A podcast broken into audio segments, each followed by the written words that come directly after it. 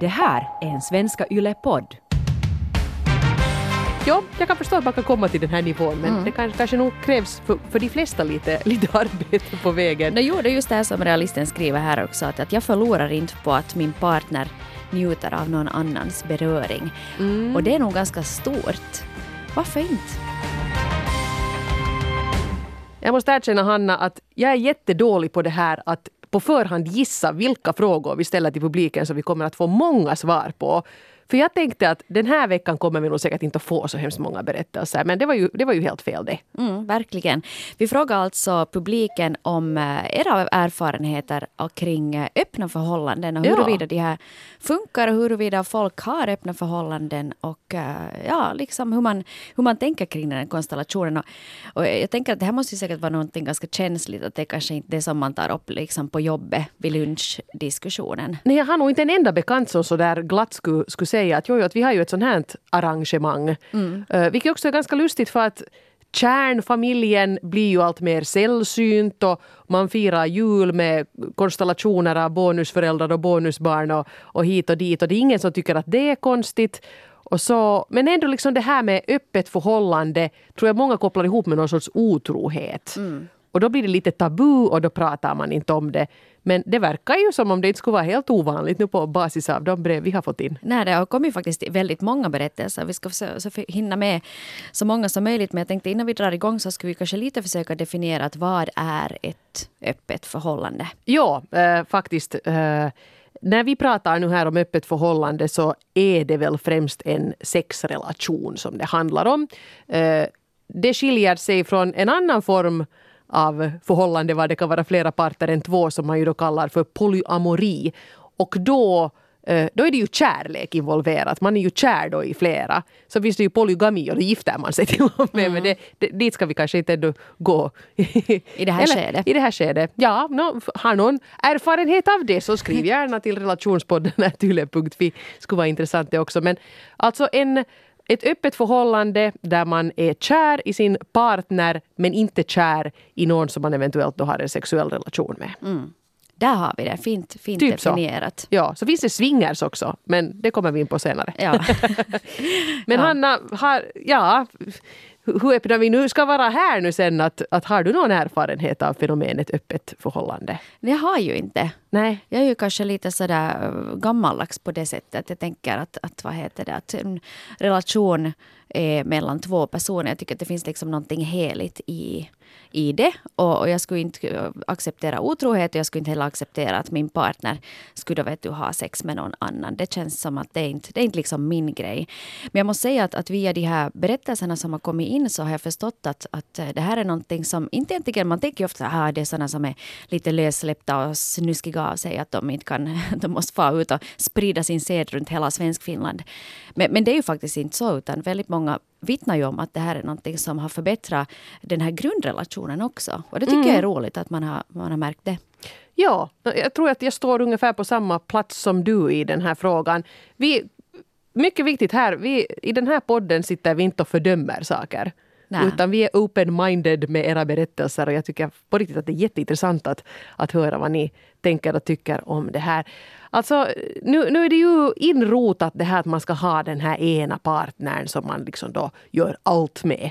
Men eh, som vi lite har varit inne på i det här avsnitten som vi gjorde om otrohet så har man ju kompisar för olika ändamål. Och man har ju liksom sådär man I bästa fall har man ju ett helt galleri med människor i sin omgivning som man gör olika grejer med. Och man kan ha gemensamma intressen med någon som ens partner tycker är fruktansvärt ointressant. Och det är ju jättebra för då får man ju liksom det behovet stillat på annat håll. Men så kommer där ändå någon sån här, ja, fast gräns vid sex. Att det ska man sen inte börja med på annat håll utan det ska man bara ha hemma. Eh, och, eh, och det är ju lite skevt egentligen för att det kan ju också hända i ens relation att den ena partnern har ett mycket större sexbehov än den andra. Och då blir det ju liksom en, ett, en, ett glapp där. Ja, eller sen kanske att om man har eh, fast någon typ av sexuell preferens som, ens, som man, ens partner inte har. Som man inte kan vet, utöva Precis. tillsammans. Att man kanske gillar då att göra ex. Så då eh, kanske det kan funka om du har ett öppet förhållande. Att du då gör ex med en, en tredje part. Precis. Bara för att, som du sa, att vet du, En tredje människor, part som du inte alls kär i, eller inte älskar på det sättet, men som är behändig för det där. ja, alltså vissa går man på teater med, vissa Ja. har man eh, ex-sex med. ja. Ja, jag vet inte. Men hej, jag tycker vi skulle kunna ta gå in lite på här på berättelser som har kommit för att jag tror att vi alla eh, kommer att bli betydligt klokare bara vi får höra lite om, om konkreta erfarenheter av det här. Okej, vi skulle kunna börja här med signaturen Realist 44. Jag måste säga att jag är lite osäker på om realist är man eller kvinna, men, men i alla fall är partnern en kvinna, det framgår av, av brevet. 44 år gammal. Just det. Det verkar som om en del tror att öppna förhållanden handlar om sex galna människor som ständigt jagar ligg på baren eller på nätet. Men man kan också se det som en lugnande tanke av frihet. Att någon gång kunna njuta av en stunds spänning eller flirt utan att ens egen partner lider av det. Jag är själv nöjd med mitt eget parförhållande och jag älskar min partner. Det här gör att jag inte blir svartsjuk och jag vet att hon någon gång njuter en stund av någon annans beröring. Jag förlorar inte på det. Tvärtom. Jag njuter av att veta att hon njuter. Och får lite extra energi som syns hemma och som jag också kan njuta av. Och arrangemanget och reglerna, det är någonting man kan diskutera och ändra om det känns så. Man kan designa sitt eget förhållande. Ja, spännande idé där. Eh, när man hör hur mycket otrohet det förekommer bland andra i yngre medelålder och vad brutna löften kan leda till så känns öppna förhållanden som en lite mer realistiskt syn, synsätt på människors behov. Om man godkänner att både man själv och sin partner någon gång kan ha behov av uppmärksamhet eller beröring utifrån kan det vara lättare att vara ärlig och hålla ihop ett parförhållande. Intressant! Mm. Mm. Många bra pointer där. Eh, Jag gillar det där med att designa sitt eget förhållande. Ja, och det får man göra. Och som sagt, att i ett öppet förhållande så är det ju fråga om att bägge parter ska vara med på det här. Att det är en gemensam Jo. överenskommelse. Att det är ju förstås det att, att båda ska tycka att det är okej. Annars är det ju i princip att våldföra sig på någon annans känslor. Ja, men då är det ju otrohet. Ja, då. då är det ju det. Precis. Ja. Ja. öppet förhållande det förutsätter att, att alla ska ha OK att det, Mm. tycker jag. Nå, inledningsvis så skriver ju realisten här just om det här med öppna förhållanden. Att många verkar tro att det handlar om sex galna människor som ständigt jagar ligg på baren eller på nätet. Att det inte är frågan om det utan att man kan då se det som en, som en liten utflykt ut ur det egna parförhållandet. Och att det kan stärka förhållandet där hemma också, man har fått det där fixat på annat håll. Jag tänker ju också en sån här situation Ponera nu att jag skulle få någon sjukdom till exempel så att jag inte skulle vara fysiskt kapabel att ha sex. Så nu skulle jag nog kanske helt gärna säga att, att jag menar nu tycker jag det är jättes, liksom onödigt då att min man också måste helt liksom ge upp tanken på, på sex för resten av våra liv. Utan nu skulle man kanske kunna tänka sig någon sorts arrangemang där. Sen kanske det inte skulle kännas så jättekul men, men kanske man skulle komma över det också. Mm. Och det är ju ett specialläge förstås det. Ja, Ja. så ja. Men, men det här, eh, intressant. Eh, ja, jag kan förstå att man kan komma till den här nivån men det kanske, kanske nog krävs för, för de flesta lite, lite arbete på vägen. No, jo, det är just det här som realisten skriver här också. Att, att jag förlorar inte på att min partner njuter av någon annans beröring. Och det är nog ganska stort av realisten, tänker jag. Men det är också fint, för att jag menar inte här liksom kärlek ska ju vara osjälviskt. Kärlek ska ju vara det att du sätter den andra i första rummet och, och vill den det absolut bästa. Att, att om du med hjälp av ett öppet förhållande då kan göra det för din partner, så varför inte? Ja, no, inte kan jag ju heller säga om nu min man vill gå på massage. Inte på sån där massage som man går på i Berghäll. Men, men, men liksom. Ja. det kan han ju tycka att det är jätteskönt. Och inte kan jag nog ha något problem med det. Nej. Men vad trevligt att du är så avslappnad när du Ja. kommer. Ja, ja, att båda vinner på Kom det. ihåg att dricka mycket vatten för slaggprodukter har frigjorts i kroppen. Det är just det. Alltid fokusera på det praktiska. Ja. Han- Oj, blev du trött när du var med din älskarinna? Ja. Ska jag bädda ner dig? Ja. Jag kan sätta hit på din favoritserie. Ja, ska vi koka kaffe? Ja. Okej. Mm. Det här verkar ju vara i alla fall någon, någon som eh, tycker att det funkar. Och, och nästa berättelse så handlar faktiskt också eh, lite om om det här med att, att i något skede av livet så kan det vara ganska behändigt eh, med ett eh, öppet förhållande. Signaturen Tursam kvinna, 31 år, skriver så här. Jag och min sambo har varit tillsammans i över 10 år och har ett gemensamt barn. Ända sedan början av vårt förhållande så har vi experimenterat lite utanför det normala. Vi har träffat andra par och så vidare. Vi är på det klara med att människan inte är helt och hållet monogam och här har det varit vårt sätt att eh, leva ut utan att eh, såra varandra. Eftersom vi båda har varit med på det och det bara handlat om sex så har det funnits eh, väldigt lite svartsjuka mellan oss. Min sambo är väldigt mån om att jag ska vara tillfredsställd så därför har jag en älskare som jag träffar regelbundet. Så länge vi kör med öppna kort och jag berättar allt så funkar det bra. Däremot skulle jag inte vilja att han träffar någon annan på samma sätt, men det har han inte heller något behov av. Och vi är båda med på den överenskommelsen. Så öppet förhållande, visst funkar det. Jag får det bästa av två världar och han älskar att jag får njuta. Ärlighet varar längst. Ja, så där var det öppet men bara den ena var intresserad av utomstående relationer. Ja. Och det där, man, ofta skulle man kanske tänka att båda skulle vilja ta sin chans då att mm, få ut och, och kekulera lite här och där. Men att där är det bara då liksom den ena eh, parten. Ja, och, och helt tydligt funkar det för, för eh, det här paret och det är ju jättebra. Det, eh, många bra poänger här också. Det här med regler tror jag säkert är en förutsättning för det hela. Jag, jag läste om, om öppna förhållanden i eh, någon damtidning för länge sedan. Skulle det ha varit en, ja, no, typ Red eller Marie Claire eller något som jag läste på, på ett flygfält. Men där minns jag att det var just ett par som hade då ett öppet förhållande och hade satt upp regler, men det var inte liksom samma regler som gällde för båda. För att den här mannen, eh, han ville inte veta alls vad som hände då när kvinnan for ut på träffar med sina eh, älskare då.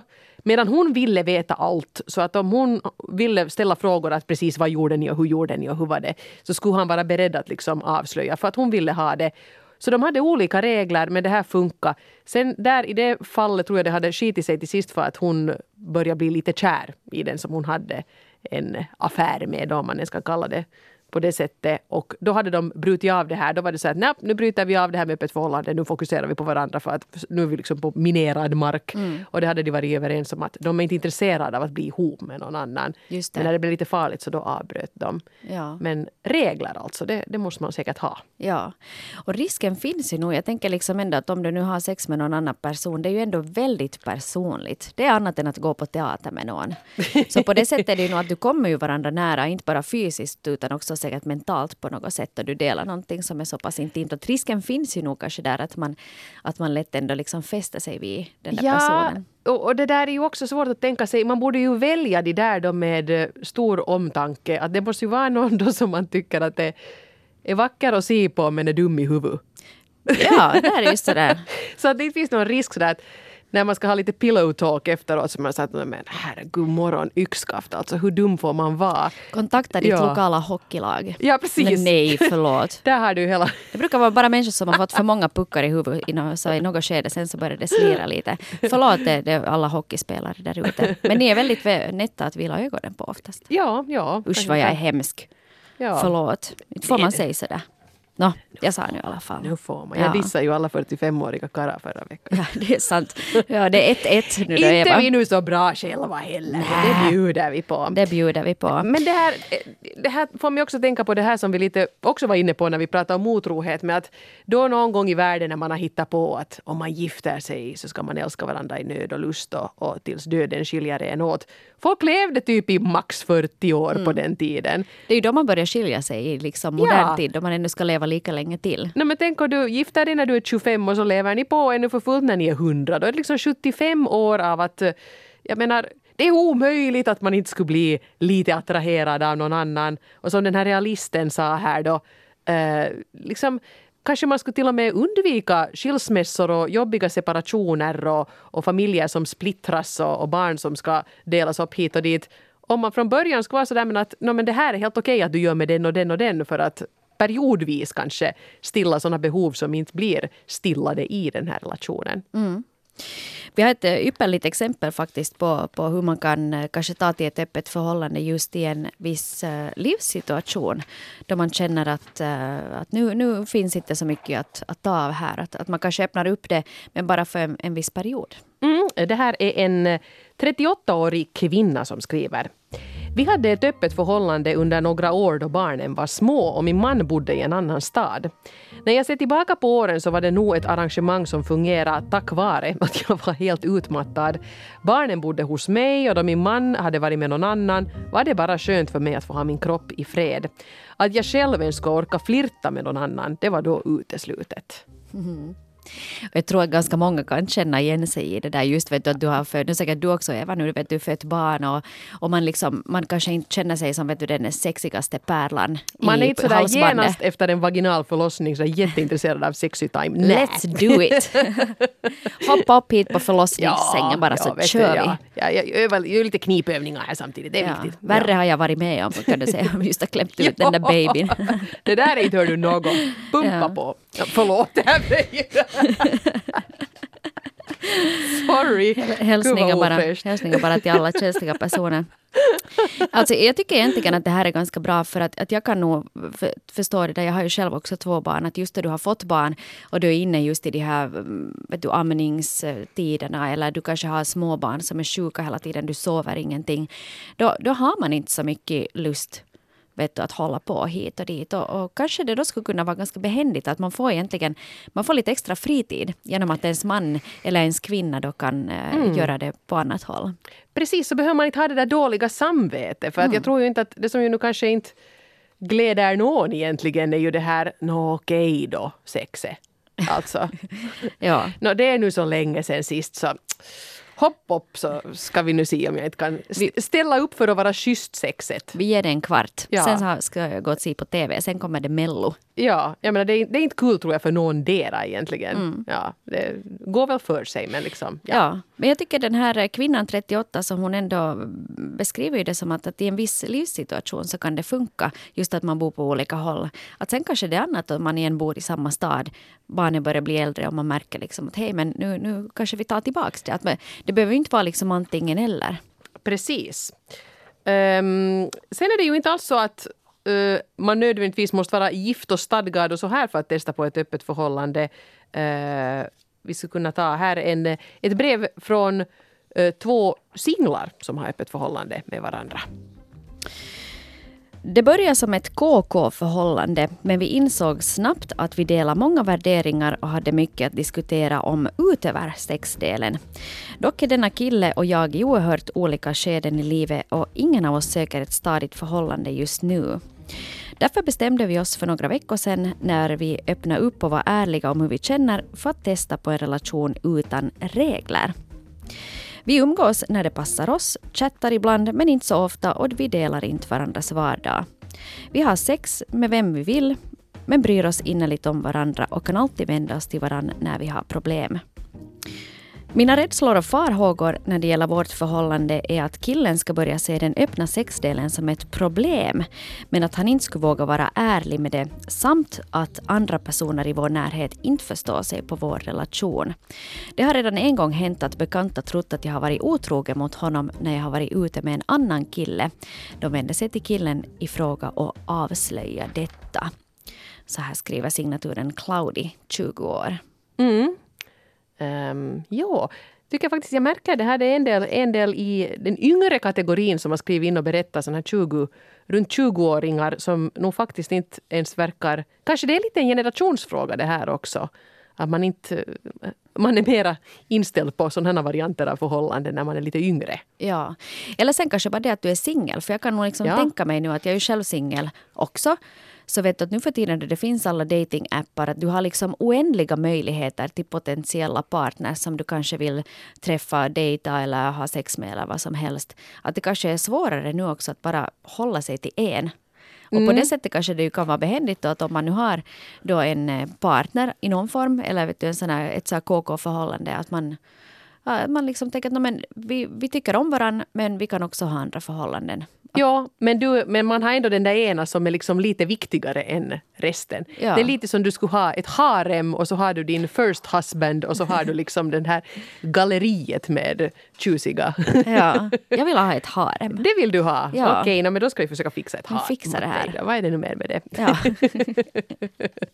vet inte när jag ska ha tid med dig dock. Men, nej, Men, det, det nej, no, men vet du. men vi ser. Ja. Kanske, kanske sen när barnen flyttar hemifrån, då ska jag skaffa mig ett harem. Ja, På min villa i Toscana. jag tänkte Österbotten någonstans. Nej, jag inte vet, man inte fel i Österbotten heller. Jag älskar ju de österbottniska slätterna. Kanske jag bara köper en jättestor I herrgård. kåtlax. Kåtnäs finns det väl Kåtnäs, något? ja, mig. ja. ja, kanske där, ja. Kanske det blir så. Vet du, det är en sak som är säker i livet. Det att jag har slutat säga vet att nej, jag skulle aldrig. För jag har märkt att det brukar ju ändå alltid bli mm, på ett sätt som man inte hade tänkt sig tidigare. Men det jag gillar det där. Var, var hittar man, var anställer man pålitliga eunucker nu för tiden? Måste Ja. till någon. Ja. Men Jag kan googla fram det till Ja, dig. ja, bra. Jag börjar undra här. Ja. Ja, nej men en sån variant också. också. Och sen här en grej som jag tycker, vi har pratat om det Eva, tror jag någon gång tidigare också, då vi, vi har talat liksom om eh, hbtq-personer. Och jag hade i något skede en teori där jag har talat med vissa av mina homosexuella vänner, både män och kvinnor. Och, och där är speciellt liksom männen, att de har ofta ganska öppna förhållanden. Att där är det lite lajtan tajtan tävlingen här och där. Kvinnorna är mera liksom monogama, tycker jag. Är det så? Men att männen då liksom skulle vara lite mer öppna för öppna förhållanden. Men det har varit min teori hittills. Men nu har vi faktiskt också fått in en erfarenhet av en eh, queer tjej på 30 år. Jag och min flickvän har varit ihop i några år men vi bor inte ihop. Vårt öppna förhållande fungerar så att vi kan ha sex utanför förhållandet men inte relationer. Och att vi berättar för varandra om de upplevelser vi haft med andra. Första gången min flickvän berättade om det sex hon haft med en annan tjej blev jag jättesvartsjuk. Det förvånar mig. Men precis som med andra känslor så kom jag igenom svartsjukan genom att hantera den. Mest var jag rädd för att hon skulle bli kär i någon annan. Men det kan ju hända oavsett om hon har sex med någon annan eller inte. Vi får det att fungera genom att kommunicera och är nöjda eftersom vi verkligen vill vara tillsammans och ha ett öppet förhållande. Det där är en jättebra poäng det där med att, att nu, jag menar, är man ett par, nu kan ju den där partnern gå och kära ner sig i någon precis. Jag menar, det kan ju hända Ja. på, på, på metron. Liksom, det är ju inte nödvändigtvis i den där sexakten det då skulle ske. Så att det är två helt separata grejer. Ja, och jag tycker det är bra poäng det där också. Liksom att bara det att man har ett monogamt förhållande så gör ju inte att man blir blind och döv för andras härlighet på Nej. något vis. Eh, Sen kanske, jag vidhåller att jag tror att det finns en risk nog, en större risk för att det här ska hända om man har ett öppet förhållande. Men som sagt, jag, jag, jag, vet, jag vet ju inte. Men eh, det var hon skriver här just att, att eh, hon skrev just queer-tjejen här att första gången min flickvän berättade om det här att hon hade varit med någon annan så blev hon jättesvartsjuk. Och hamnade dåligt. För jag tror nog kanske att första gången det hände så hamnar man nog liksom att lite rannsaka sig själv och titta på sina egna känslor och fundera att vad är det nu egentligen som är, är jotton här. För jag tror ganska få ändå eh, bara som skakade av sig lika lätt som man hej att vill du ha fettfri mjölk eller blåmjölk. Vet du, det, det är inte en sån fråga. Det Och en- kan kanske krävas lite träning. Ja. Om man vänjer sig vid den där tanken så, så kanske det inte ändå är så, så farligt sen efter ett tag. Mm. Eh, Det jag börjar undra här nu, vet jag inte om uh, queer-tjejerna de bodde inte ihop så de har knappast barn ihop heller men är man en oansvarig förälder om man har ett öppet förhållande? Varför skulle man vara det? Jag jag menar så länge du inte tar hem din älskare och vet, du gör det där hemma på soffan medan barnen ser på bukklubben. Så inte vet jag nu det. Ja. Att om det nu är liksom att mamma är nu på, på möte ikväll. Att hon kommer vid tio tiden så Ja, eller ska man ens ljuga? Jag menar, man kan ju också säga till barnen att "Nå, idag ska mamma träffa sin vän Petter.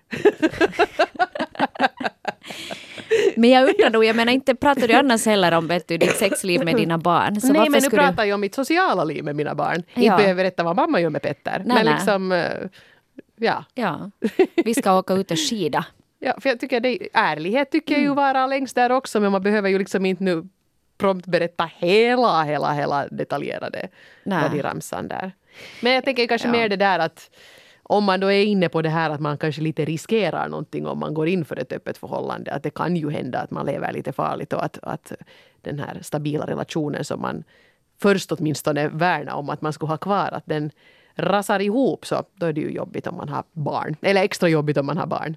Och det kanske kan vara liksom den där oansvariga delen. Vet du, att ifall man lite sådär äh, spelar roulette med barnens hela familj och tillvaro. Att om man märker att det börjar vara liksom lite där på, man står lite där på knivsäggen och vippar hit och dit. Så Å andra sidan, om mamma och pappa blir lyckligare och kärare i varandra och så här av att Petter och Hjördis finns där i mm. kulisserna någonstans. Så nu är det ju bra för barnen då också. Jag måste säga en sak. Alltså jag tycker det är jättehärligt att många av de här som har skrivit in säger just det där att de har gjort relationen starkare. Jag har så svårt att förstå det där. Att, liksom, att hur kan den här grundrelationen bli starkare om du i princip öppnar upp den? Eller är det liksom så här att att, att, vet du, att om jag får träffa någon annan så märker jag att hur härlig min partner egentligen är. Att man lite jämför och väljer att komma tillbaka. Eller, eh, jag förstår inte liksom att hur man komma, kan komma närmare varandra genom att vända sig ifrån varandra. Nej, men tänk nu när du då ligger där bredvid i ett postkoitalt tillstånd med hockeyspelaren Petter. och han är helt otroligt blåst. Du är så här fysiskt tillfredsställd men så börjar du tänka att oj, oj, oj gubben där hemma. Att nu skulle det egentligen vara ganska skönt nu bara att sitta där med honom och dricka en kopp te. Att jag, kanske jag pyser. Ja, att han har så, så bra läppar. Ja, no, han, han är ju ändå inte dum. Ja. och så åker du hem och så tycker du att no, men han är nog ändå världens bästa. Mm. Att vi, vi har nog inte så himla glödande i sänghalmen just nu och, och det är helt okej. Okay, men att nu är det ju här jag ska vara. Mm. No, det kan jag förstå. Typ så. Ja, jag kan förstå det. Hej Eva, det börjar bli dags att avrunda. Redan? Vad gud! Ja, inte vet jag hur vi, vi har fått så mycket berättelser som sagt. Tusen tack till alla er som har, som har skrivit in. Eh, vi hinner inte riktigt med alla, men sen också på vår webbplats svenska.yle.fi. Där publicerar vi sen flera. Vi lägga ut lite flera av dem ja, där. vi lägger ja. flera där så att där kan man också gå in och läsa om, om andras eh, erfarenheter. Jag tycker vi ska kunna eh, avsluta här med en, en glad berättelse från Österbotten. Mm. Vi är ett gift par som träffar andra par, så vi har ett öppet förhållande i den form att båda gör det samtidigt. Det verkar vara rätt vanligt för 30-plussare. Vi har cirka fyra till fem andra par vi brukar utöva detta med. Förutom spänningen så blev sexlivet mellan oss också bättre. Som i allt är kommunikation viktigt. Signatur Österbotten Swing, cirka 40 år max. Jag gillar det här med att åldern är max 40 år. Ibland är det kanske helt okej med lite diskriminering. Ja. Men vad roligt. Det här är ju inte kanske riktigt det här med öppna förhållanden på det sättet. No, kanske på ett sätt nog ändå. Det är swingerskulturen, så den är mig främmande. Men, men det är också ett spännande tema. Är det nu så där man sätter Hondans nycklar i en skål. Ja, det. Jag vet inte, men att de har ju också träffat många andra par under, under en lång tid. Och, och, ja, och sen att om, om du kan lita på de andra paren också, att man håller det här nu sen för sig själv. Ja. Att jag kan tänka mig att om man till exempel bor i en, ett mindre samhälle så vill man ju kanske inte att det här kommer ut heller. Men Nej. jag tror att det, alla är ju i samma båt där. Så att det... Precis, ja. Jag menar, det, det är ju jättekul om det jag, jag, jag, ser absolut inget fel i det här. Jag tänker bara på det här praktiska, just som du sa. Att hur hittar man de här paren?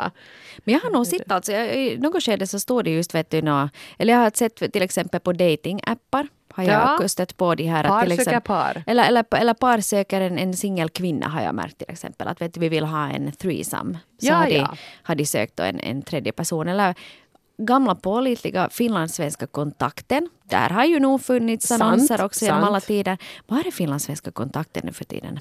På nätet. På nätet, ja. Så jag tänkte just att det var ju det roligaste alltså, det man fick läsa. Cool. Finlandssvenska ja. kontakten. Ja. Men det här är ju alltid, om vi nu ska på något vis knyta ihop allt det här, så är inte nu lite vet du att att man får göra vad man vill, bara man inte våld, våldsgör sig på, på någon annans eh, känslor eller mm. kropp eller själ eller liv. Jag tycker det jag har lärt mig av de här breven, regler, mycket viktigt. Diskutera saken innan ni sätter igång. Löna sig att båda är med på det, för annars är det ju otrohet. Och eh, svartsjuka i början kan förekomma, men den kan också arbetas bort och din partner kan ju bli blixtförälskad i någon annan också fast man inte har ett öppet förhållande. Mm. Och jag tror också att det är ganska viktigt det här att komma ihåg att om det är så att du lever i ett parförhållande, du själv kanske skulle vara intresserad av att öppna upp det, eller din partner är det, men du inte är det. Så där tror jag också att det är väldigt viktigt att man tar den här diskussionen före att man inte låter sig manipuleras in i det.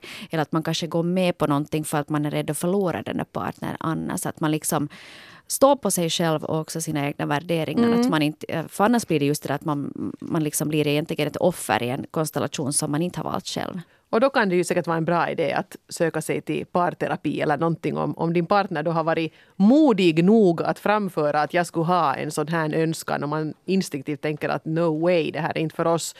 Så kanske man ändå inser att det här är något vi måste arbeta med. Att hur ska vi kunna då fortsätta som tidigare men ändå åtgärda det här behovet som partnern har. Så det kan ju vara en, en idé i så fall. Och kanske inte bis, nödvändigtvis bli dösårad heller om, om ta, förslaget eh, det, det tas upp. Ja. Och låt alla blommor blomma. Att sen Oh, också ja. att, att man inte behöver döma heller sina bekanta eller sina vänner. Att, att var och en får ju göra som de själv vill. Så länge man är vuxen och, och inte gör någon ledsen. Here, here. Nästa vecka då tänkte vi faktiskt återvända till ett, eh, det ämne som vi tog upp i vår, var det vår allra första podd? Ja. Eh, Då hade vi ju inte hunnit ta in så mycket frågor eller tankar från publiken ännu utan vi fick mest höra om Hanna Norrenas eskapader i vuxendating-djungeln. Eh, Eh, och efter det så har ganska många hört av sig med egna storyn om hur man dejtar när man är en vuxen människa. Har du tips och råd på hur man eh, hittar en partner i vuxen ålder då du inte har kanske så mycket tid att, att sätta på dating? Eller har du roliga berättelser som du har varit med om? Eller kanske sorgliga berättelser också? Vilka berättelser som helst som berör dating i vuxen ålder så är du mer än välkommen att skriva in dem till relationspodden yle.fi. Och som vanligt så lägger vi också ut ett sånt här litet formulär på svenska.yle.fi där du kan besvara eh, våra frågor eh, alldeles anonymt. Anonym är du alltid i den här podden. Vi skulle aldrig börja säga att jaha, kolla vad den här har skrivit. Mm, ja, nej verkligen inte. Nej. Hej, skriv in och berätta vad du tycker om att dejta i vuxen ålder och eh, så hörs vi igen om en vecka. Nytt avsnitt av relationspodden Norren och Frans varje lördag på Yle Arena. Hej då! Hej hej!